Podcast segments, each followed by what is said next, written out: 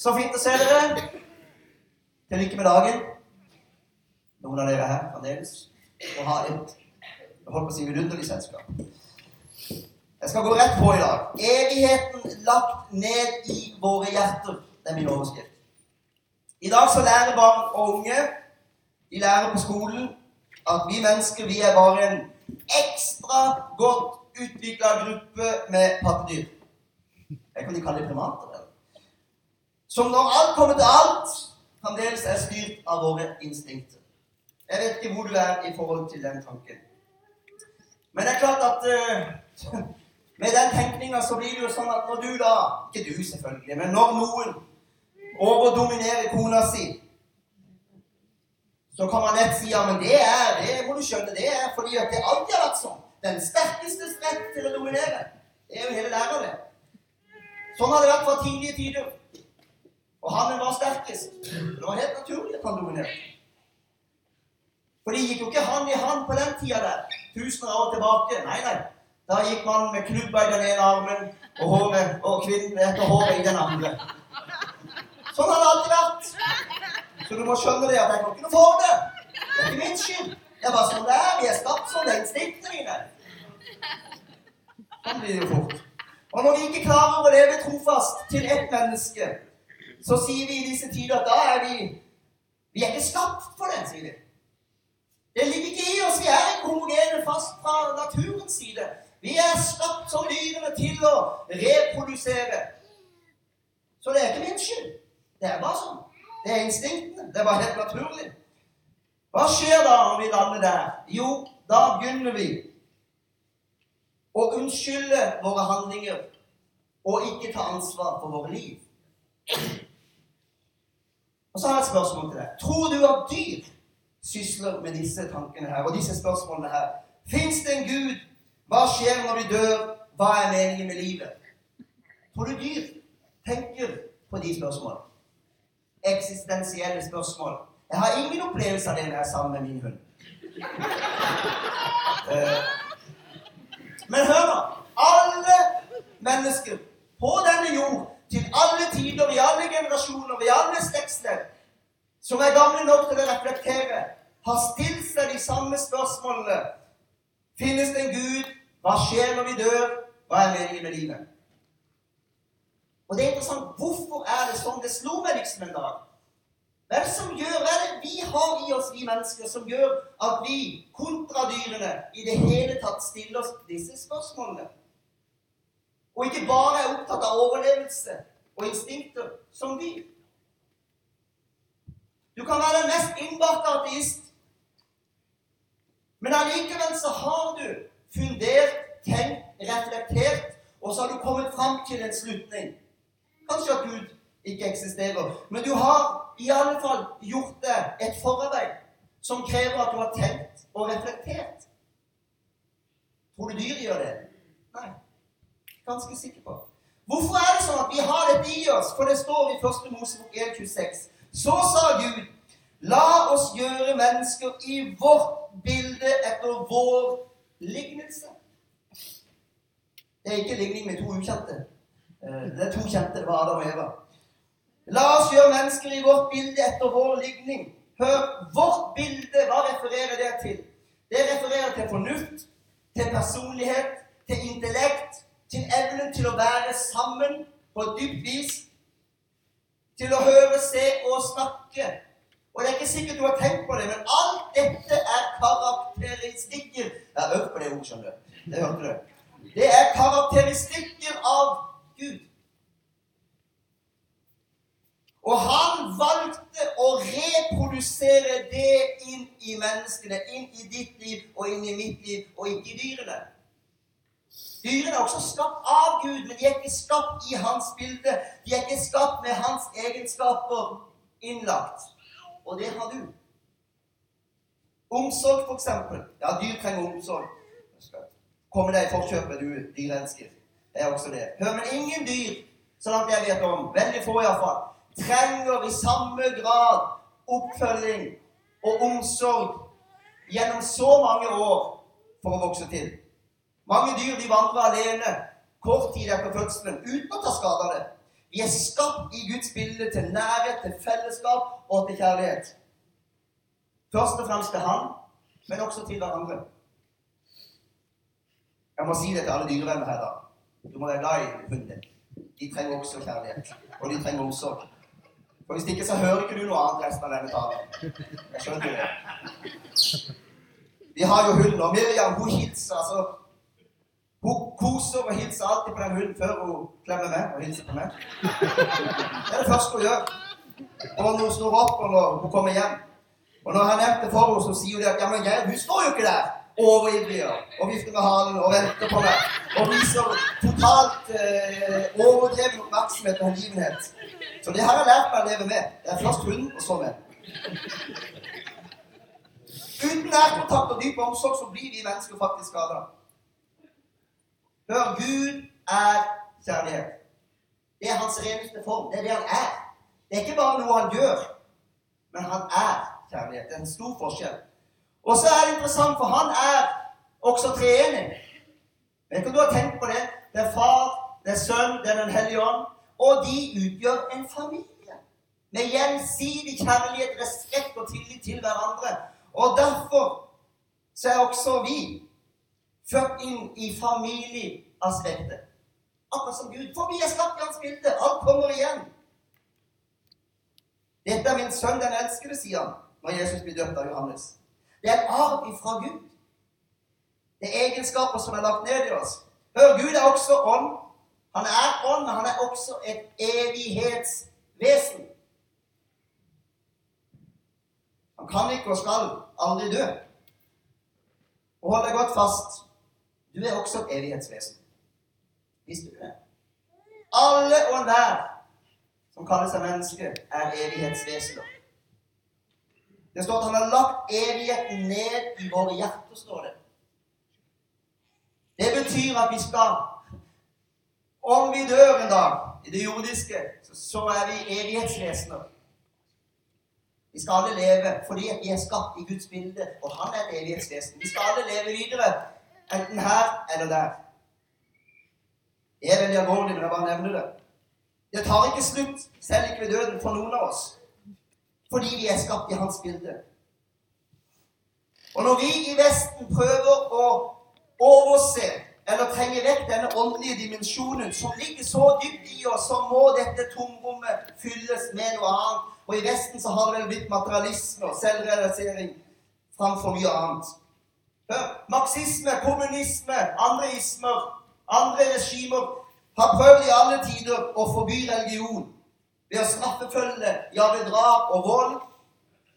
Men når jernteppene har falt, så har det vist seg, uten unntak, at tro og religion alltid har overlevd. Og du lurer på hvorfor jeg sier det her? Jo, for det ligger dypt i oss mennesker. Norge er et av verdens rikeste land, med like muligheter for alle til å bli nesten hva de vil. Teoretisk sett. Stoppes av og til litt av der oppe. Men uansett, teoretisk har vi alle muligheter til å bli det vi vil. Ingen trenger å sulte i hjel. Likevel så ligger vi i toppsjiktet på pillemisbruk, selvmord og psykiske problemer. Det er et paradoks. Vi har prøvd å fjerne Gud. Og så kaller vi oss heller sånn ekstra utvikla pattedyr i alle naturprogrammer. Når den teknologiske revolusjonen virkelig skjøt fart på 1700- og 1800-tallet, med nyvinninger, med elektrisitet og det her er interessant å lese, så utvikler det seg en teologi langt inn i presterekkene og de teologiske miljøene som, sa, som hette sånn her Gud er død. Man trodde oppriktig på 1700-tallet, under opplysningstiden, at nå var mennesket blitt så opplyst. Nå trengte vi ikke lenger Gud for å forklare liksom livets eh, eh, eh naturfenomener. Alt vi ikke forsto. Vi skulle forstå det sjøl etter hvert. Og man trodde oppriktig at religionens tid var over globalt. Vi var blitt selvgående. Vi kjøpte oss fri fra, fra Gud. Og så har vi tatt noen kvantesteg de siste 150 årene. Du vet, Før var et hjul et hjul. I årtusener så var et hjul et hjul, og en spade var en spade. Det forandrer seg ikke nevneverdig. Mens i disse tider så har vi problemer med å holde følge med teknologiske det teknologiske framskrittet bare fra det ene året til det andre. Og med denne tenkninga som oppstod på 1700-tallet, så skulle iallfall all religion på verdensbasis ha vært dødd ut. Det har ikke skjedd. Hvorfor har det ikke skjedd? Fordi evigheten er lagt ned i våre hjerter. Vi er ikke dyr. Det er noe i oss mennesker. Det blinker en lampe her inne hos alt som heter mennesker. Som alltid vil blinke og lengte tilbake til hva da? Jo, til opphavet. Til det bildet som vi er skapt i. Det vil det alltid være. Og Derfor så ser vi òg gjennom hele historien og i disse tider det finnes utallige trosretninger Utallige religioner. Noen som hovedreligioner, men også utallige med tankesett. Hva lærer det meg? Ikke at alle veier fører til Rom. Langt derifra. Men det lærer meg at vi er genetisk skapt til å være tilknytta noe langt større enn bare det vi kan se og ta på den materialistiske verden. Nå er vi i Froland misjonskirke.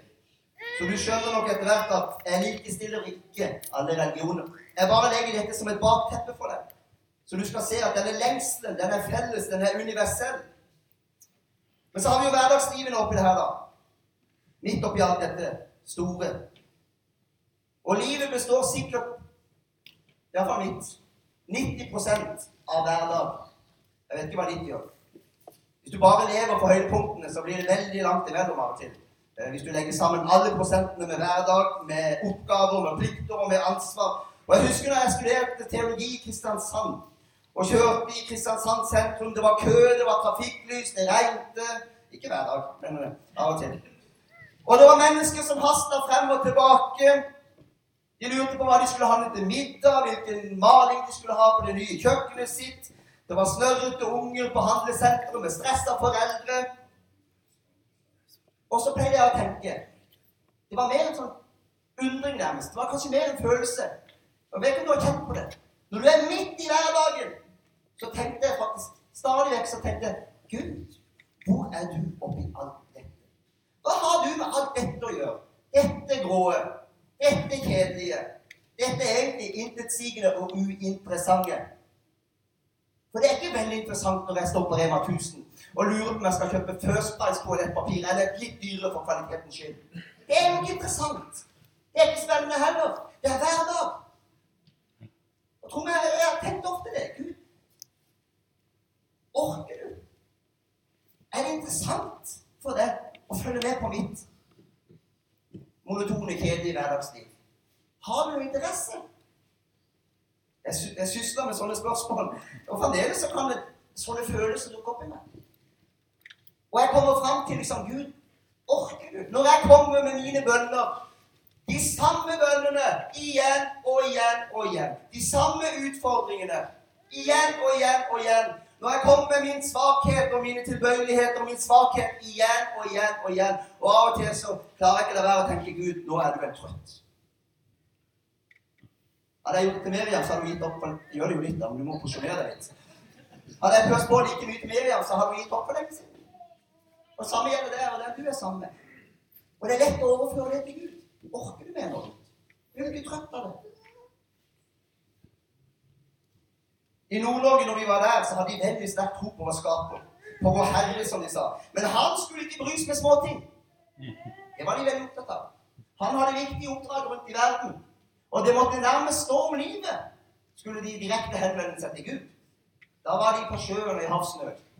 Da kunne de rope til Gud. Ellers hadde de en type respekt som gjorde at de kunne ikke engang gå til nattverd.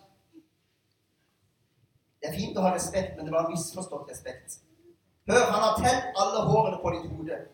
Mens du allerede var et foster, så jeg deg. Det er jo fantastisk. Det er ganske mange fostre å følge med på. Det blir vel født et menneske hvert sekund, sier de. Han har sett alle før de er født, idet de blir unnfanget. For så høyt har Gud elsket verden, og verden, det er meg, og det er deg, at han ga sin egen sønn.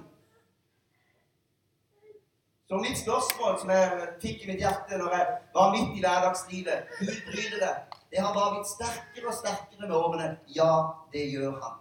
Såpass mye at han har tett alle hårene på mitt hode. Jeg forstår ikke hvordan han får det til. Og aldri mistet interessen. Og aldri blir lei. Og aldri blir trøtt av å bære oss, av å holde oss opp og høre de samme klagene og høre de samme bønnene, de samme ønskene. Men han elsker det, for vi er skapt til fellesskap med han. Vi hører hjemme der.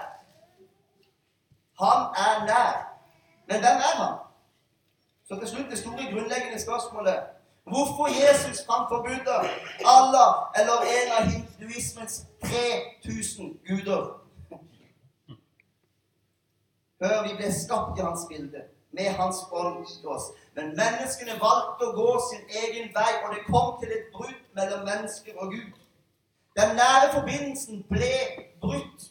Den som vi var ment til å leve i, den ble brutt. Men fordi vi er skapt i Guds bilde, så finnes det en evighetslengsel som skiller oss fra dyr. Et varsellys her inne, et blinkende lys som, som, som piper etter kontakt. Forskere har jo sendt ut sånne radiobølger. vet du. De har gått i, i årtier nå. Og de kommer til å gå i, i resten av evigheten, holdt jeg på å si, for å søke etter liv. Vi har noe av det samme i oss.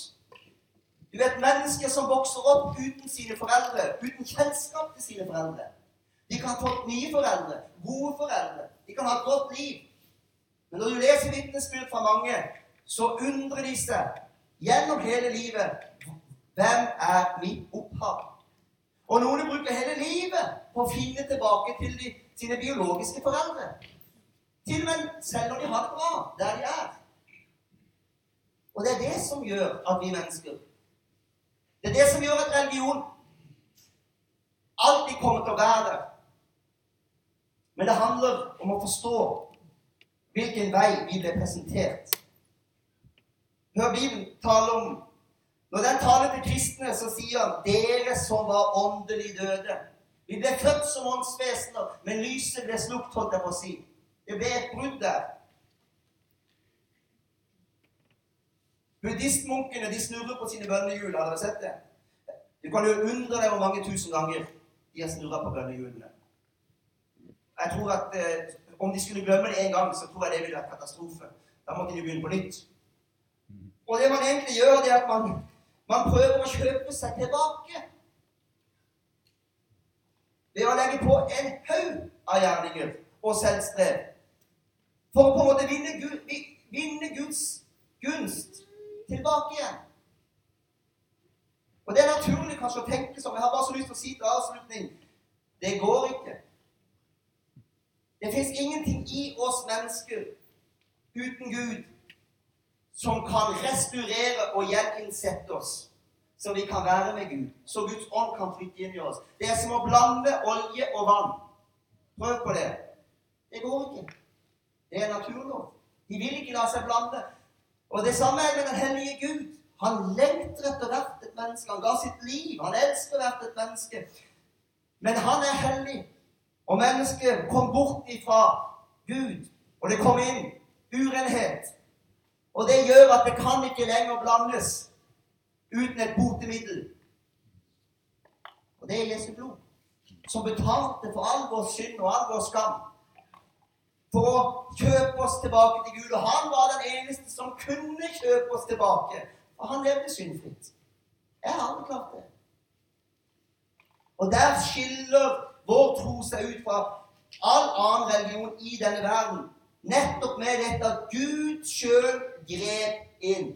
Jeg vet ikke om noen andre religioner i denne verden hvor Gud sjøl har fornedra seg, inkarnert seg, blir født som en liten gutt i en fattigslig stall, blir torturert, blir mobba, blir hånt, dø frivillig på et kors for å kjøpe oss tilbake. All annen religion handler om en Gud fjernt der oppe, som man skal bruke et helt liv på forsøk å få nok i potten sin, så kanskje en dag kommer vi hjem, eller kommer vi til evigheten. Kanskje en dag blir han fornøyd. Gud, vår Gud, han visste det at menneskene kunne aldri få det til. Min, min, men Gud er rik på barmhjertighet fordi han elsket oss med så stor en kjærlighet. Gjorde han oss levende med Kristus, vi som var døde på grunn av våre misgjerninger. Av nåde er dere frelst. Det er noen grunnleggende forskjeller. Og det er fint å ha denne lengselen. Og det er fint å Det er en bra start å ha religiøse tanker. Men det kjøper deg ikke fri. Det setter deg ikke fri. Det kjøper deg ikke fri. Og det åpner ikke veien tilbake til far. Det er det bare én ting som gjør. Det er å akseptere det han gjorde på korset. Om du skjønner det helt fullt ut eller ikke, så må du skjønne at det er ikke noe jeg kan gjøre. Det bor så mye rart i meg. Men han fikk det til, og jeg aksepterer det han gjorde for meg. Jeg tar imot det, som skjer underet. Da kommer du til liv igjen. Bibelen sier faktisk at du blir født på ny. Det er forferdelig radikalt. Du blir født på ny. Du kommer egentlig tilbake til den posisjonen du skulle vært i. At Guds ånd flytter inn i deg og bor i deg. Det er veldig stort, og det er veldig sterkt. Og du kommer ut av strevet. Min fred gir jeg dere. Ikke den fred som verden gir, men min fred. Det er noe annet enn å meditere. Det er noe annet enn å prøve yoga. Det er noe annet enn å sitte med en god bok og etter beste evne slappe av. Fint, det er jo. Slapp av, du. Men den freden som han snakker om, det er en helt annen fred. Det er en fred av å ha kommet hjem. Det er en fred etter å ha blitt koblet opp igjen med sin skaper. Det er noe helt annet. Det er som foreldre her på jord som finner sine biologiske foreldre. Det er noe som faller på plass. Det er noe som faller til ro. En grunnløs leting blir tilfredsstilt. Og Det er vanskelig å forklare, men det er sånn det er. Nå tolker du det som at jeg straks er ferdig, men jeg har fem sider til i hodet. Er helt annet. Jeg har ikke det.